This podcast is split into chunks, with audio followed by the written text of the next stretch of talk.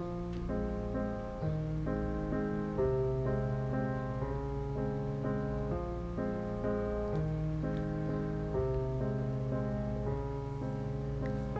كل لحظة تمر لا يمكنك اغتنامها وتكتشف أنه لا يمكنك الإمساك بالضوء الذي تراه في نهاية النفق ولا يمكنك إيقاف الزمن وأن هذه الحياة مجرد رحلة قصيرة.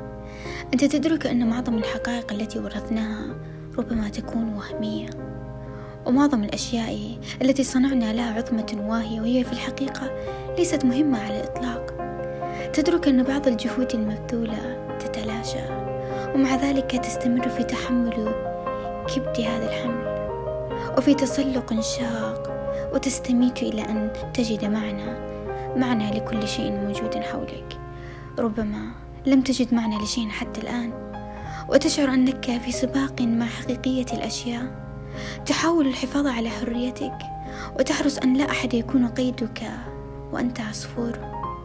تحاول الحفاظ على حريتك في طبيعة قد تفرض عليك قواعدها. تحارب من أجل ذاتك. تريد أن تعثر على ذاتك وأن تلقي بجميع الأقنعة أرضا. تظن أن المجهول الصامت الذي يكمن وراء ذاتك قد لا يتحدث أبدا ولا تود أن تقف لا تريد أن تنتظر عبثا. أعلم أعلم أنه يجب عليك الاستمرار والتحمل حتى النهاية. ولكن دعني أسألك هل أنت فعلا انعكاس صورتك الذاتية الحقيقية التي تكمن في داخلك؟ الذات عبارة عن مجموعة مكونة من بيئات مختلفة. تحت تأثيرات اجتماعية ونفسية معا. وهي مجموعة من التصورات والعوامل الفطرية التي مررنا بها. مصطلح الذات تطرق لاهتمام جدا كبير وتعاريف كثيرة. منهم من عرف أن الذات مجرد سلوك يومي ناتج عن الفرد أو أن الذات اتحاد مجموعة من العناصر الموجودة في داخلك من عواطف وأحاسيس وأفكار. لم يلوذ الفرار هذا المصطلح من شبكة الفلاسفة فكثير منهم أو ربما جميعهم تطرق لتعريف الذات بطريقته الخاصة. على سبيل المثال سقراط اللي أشتهر بجملة أعرف نفسك بنفسك هي إشارة للتعرف على الذات. واعتبر سقراط بأن الذات هي المحرك الوجودي للكون كما برهن وقال إن الذات هي الإرادة الإرادة المطلقة والإدراك لما هو خير وشر. كذا كأنه يقول أن العمل الشرير الناتج من الإنسان ليس بيد الشيطان إنما بيد الذات التي تحملها بداخلك.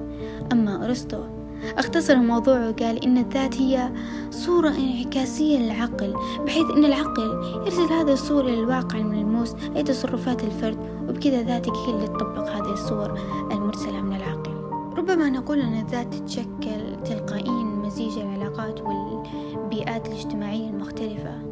أيضا الذات دائما ما تكون مخيرة وليست مسيرة وهذه الفكرة تدعم فكرة أرسطو أي أن الإنسان مخير بما الشر والخير فقط. كما قال تعالى ونفس وما سواها وألهمها فجورها وتقواها. الذات هي الطابع الخاص للإنسان. ومستوى الأداء مع مدى تأثيره بالبيئة المحيطة به بمعنى آخر هي اعتقاد الشخص المكون عن نفسه أو تقييمه لنفسه من حيث إمكانياته ومنجزاته وأهدافه ومواطن قوته وضعفه وعلاقاته بالآخرين ومدى استقلاليته واعتماده على نفسه ولكن دعني أسألك يا صديقي هل تظن أننا ذوات متعددة؟ لو أخذنا هذا المنحدر بشكل سطحي ربما نقول نعم نحن ذوات متعددة. ذاتك مع أسرتك ربما تختلف في عملك أو مع أصدقائك. صحيح لو أن هناك وجود لذوات متعددة سواء كانت متصارعة أو متآزرة قد تقضي إلى تحقيق وجهة معينة أو غرض معين. الأقوى منها يستحوذ بالشخصية. البقايا الأخريات موجودة ولكن قد نقول أنها ضامرة. ولكن مضمون الذات الحقيقية التي نحملها هل هي مجرد فكر مسطح مسروق من أفكار مستهلكة ورثناها بشكل مقصود أو بدون قصد؟ هل الفرد صار يعبر عن ذاته لتحقيق الرضا لذوات متعددة حوله؟ كمحيطه مثلا من أصدقاء من عائلة من مجتمع؟ هنا يكمن ضياع الذات. لو كنا مجرد موروثون فقط الخوف مو كوننا موروثون الخوف الأشياء اللي ورثناها هل هي حقيقية أم أنها هشة؟ المسألة ما تكمن في حملنا لذوات متعددة. ربما يكون هالشيء جيد في بعض الأحيان. لكن ما أعرف. لو إننا نعيش في انشطار الذوات عشان نرضي شيء معين أو فكرة معينة مجتمع معين هذا مجرد من الحقيقة وفوضوي جدا. المكوث داخل التأطير وعدم الخروج من إهدار لذاتك. وهذا ممكن يفسر تناقضنا في قراراتنا. تطرقت جماعات كثيرة بعمل اختبارات للذات كقياس لمدى حبك وتقديرك لذاتك. وأزعم أن هذا هراء بحت بالعربي ما يوكل عيش. كيف لين أعرف ذاتي من خلال اختبارات عشوائية أو أصدق أولئك اللي أعتلوا المنصات يزعمون أنهم يعرفون ذاتي أكثر مني؟ يبقى عندي معتقد أن الذات لا أحد يعرفها إلا صاحبها فقط.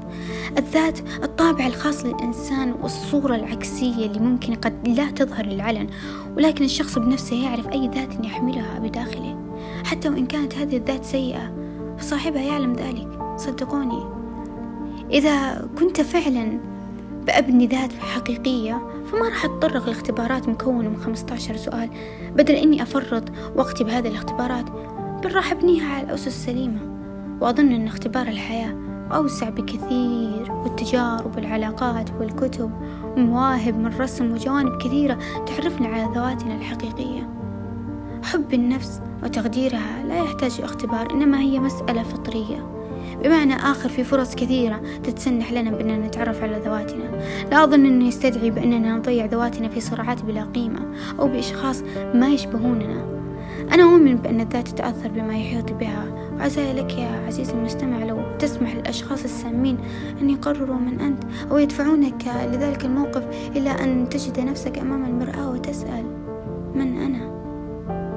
أو يجعلونك تتقلص شخصياتهم لكي تندمج في مجتمعهم وفي دائرتهم القصيرة. لا تتنافس أو تقاتل في أشياء ما تشبهك أبدا أو ازدحامات لا جدوى منها. ما أقيس نضج الذات برقم معين ولكن توجد علامات أعرف وقتها أن الذات أصبحت مستقلة. تماما كمثل لما أنطوي بذاتي وأكتشف الأماكن المظلمة التي تكمن في داخلي. قد يحدث الضياع. أعلم قد تشعر أنك تحمل جميع مشاعر الضائعين. قد تشعر أنك معصوب العينين بلا أمل أو هدف. لكن أظن الأمر يستحق يستحق يا صديقي لكي تتعرف على كينونتك الحقيقية.